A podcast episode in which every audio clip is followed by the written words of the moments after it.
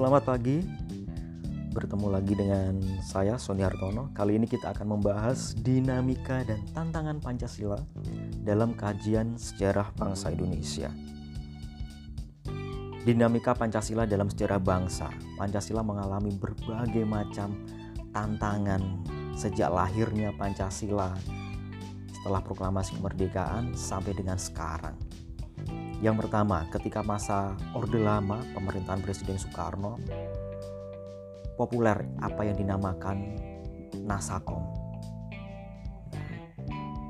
Nasionalis, agama, dan komunis. Nasakom ini bahkan lebih populer dari Pancasila. Hal ini, Nasakom ini banyak ditentang oleh masyarakat karena apa?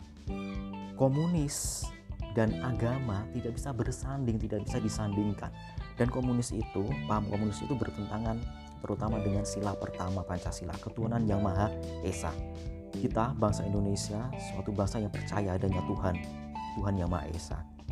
Bukan bangsa yang tidak percaya akan keberadaan Tuhan, yang mana itu ada dalam paham komunis. Nah, keberadaan komunis, partai komunis dan simpatisannya ketika Orde Lama itu sangatlah kuat. Partai komunis itu menjadi salah satu partai terbesar di Indonesia yang mampu merangsek ke dalam sendi kehidupan berbangsa dan bernegara dari level politisi tingkat atas sampai ke level akar rumput dan luar biasa pengaruhnya terhadap kekuasaan yang ada. Puncaknya komunis ingin mengganti ideologi negara, dasar negara Pancasila menjadi ideologi komunis dengan gerakan G30 SPKI dengan penculikan jenderal-jenderal. Tapi alhamdulillah Tuhan masih sayang pada rakyat Indonesia, masyarakat Indonesia dan Pancasila tidak berhasil ditumbangkan atau diganti dengan paham komunis. Kedua, ketika Orde Baru, Pancasila mengalami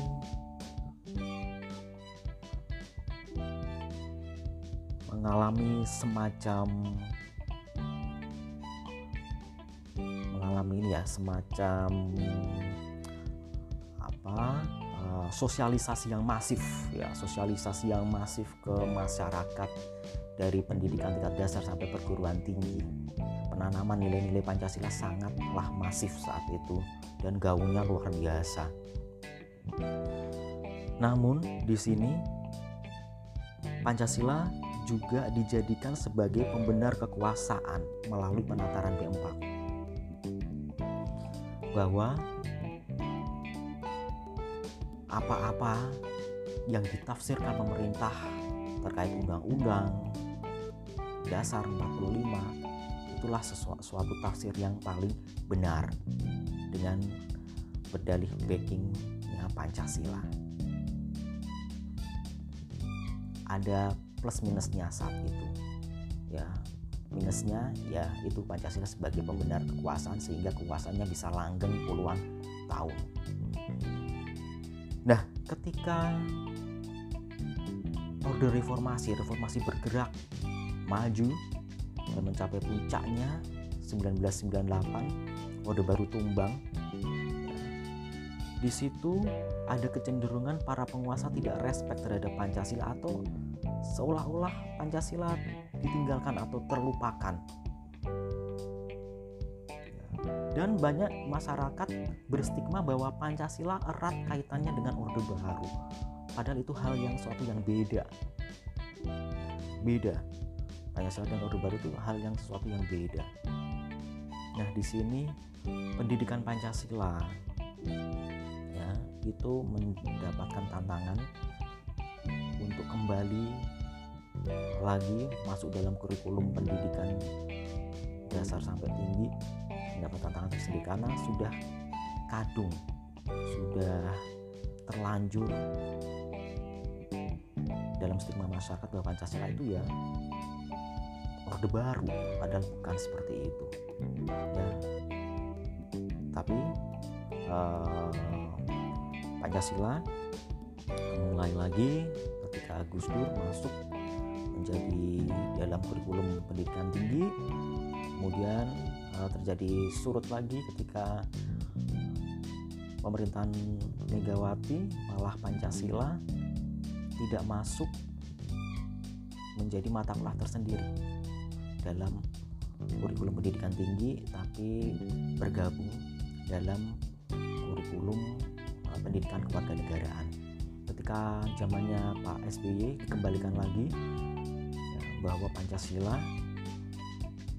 masuk lagi menjadi mata kuliah wajib di perguruan tinggi negeri ataupun swasta di samping mata kuliah agama bahasa Indonesia dan keluarga negaraan. Kemudian tantangan Pancasila terhadap kehidupan dalam kehidupan berbangsa dan bernegara. Bahwasannya nilai-nilai Pancasila itu tidak ditempatkan dalam posisi yang sebenarnya sehingga Pancasila nilai-nilai Pancasila menyimpang dari kenyataan hidup berbangsa dan negara. Contohnya ketika diterbitkannya TAP M TAP nomor 3 MPRS tahun 1960 ketika Orde Lama tentang pengangkatan Soekarno sebagai presiden seumur hidup. Hal itu tentunya bertentangan dengan pasal 7 Undang-Undang Dasar 1945 yang menyatakan bahwa presiden dan wakil presiden memangku jabatan selama lima tahun. Sesudahnya dapat dipilih kembali. Nah, pasal tersebut menunjukkan bahwa pengangkatan presiden seharusnya dilakukan secara periodik dan ada batasan waktu lima tahun.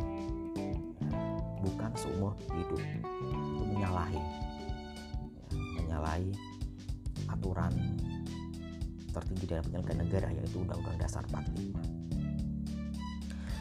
Kemudian bagaimana esensi dan urgensi Pancasila dalam kajian sejarah bangsa Indonesia untuk masa depan? Pancasila pada hakikatnya merupakan filosofi Grundslag dan Weltanschauung. Pancasila dikatakan sebagai dasar filsafat negara atau filosofi Grundslag karena mengandung unsur-unsur sebagai berikut. Alasan filosofis berdirinya suatu negara, setiap produk hukum di Indonesia harus berdasar Pancasila. Pancasila sebagai pandangan hidup bangsa. Weltanschauung mengandung unsur-unsur sebagai berikut. Nilai-nilai agama, budaya, dan adat istiadat. Urgensi Pancasila dalam kajian sejarah bangsa.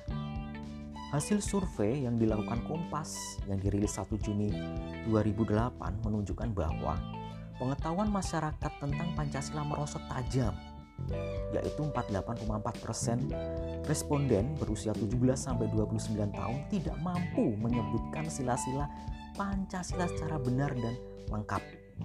42,7% salah menyebut sila-sila Pancasila.